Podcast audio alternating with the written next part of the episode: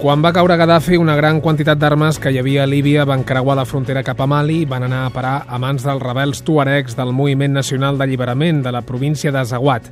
La guerra a Mali va arrencar a principis del 2012 i, malgrat la intervenció militar estrangera, els combats continuen. Els enfrontaments entre l'exèrcit i grups rebels han estat molt violents en les últimes setmanes a la ciutat de Kidal, al nord del país.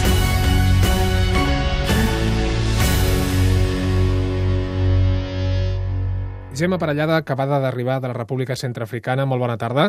Hola, bona tarda. De seguida parlem de la República Centrafricana. Abans Mali, aquests combats que comentaven no, no fan més que certificar la inestabilitat del país. Com estan les coses?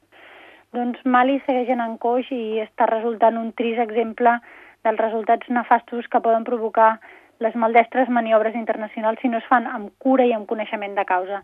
Els combats d'ara fa tres setmanes al nord, aquí dalt, on van morir una quarantena de persones, no fan més que posar de relleu el fracàs que està sent la reunificació del país i de retruc la missió de pau. Ara fa tres anys una rebel·lió tuareg que els jihadistes van decidir també abraçar posava de manifest la ineptitud de l'exèrcit malià que va fugir abans que els insurgents comencessin fins i tot a disparar. I ara fa tres setmanes, amb els combats, es va repetir la imatge, una espècie de recordatori que les coses no han canviat tant. Però, a més, el president Malià ha sortit d'unes eleccions més internacionals que nacionals, es va atacant de mentides i corrupció de manera vergonyosa, una estampa que un any i mig després de la intervenció militar de França no deixa gaire espai per la satisfacció. A Mali, França hi va llançar una operació militar que havia de ser curta, però que s'ha allargat una mica com, com ha passat a la República Centrafricana. Quines similituds tenen els dos països? Doncs efectivament França va dir, quan va llançar els seus soldats a, a Mali, que seria una missió llampec, però en canvi encara dura i a República Centrafricana està passant exactament el mateix.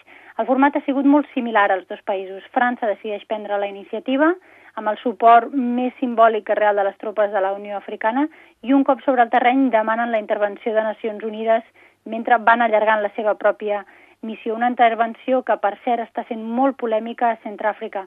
Els dos, els dos costats del conflicte acusen les tropes franceses d'atiar la guerra per donar suport, diuen, a uns i altres i per deixar apropar els beligerants. França ha tornat militarment amb força a les seves excolònies amb els últims tres anys i alguns intel·lectuals africans es comencen a qüestionar els perquès d'aquest interès renovat. Gemma Parellada, avui amb Mali i amb la República Centrafricana, les coincidències entre els dos països. Moltes gràcies una vegada més. Bona tarda. Gràcies, Déu. Bona tarda.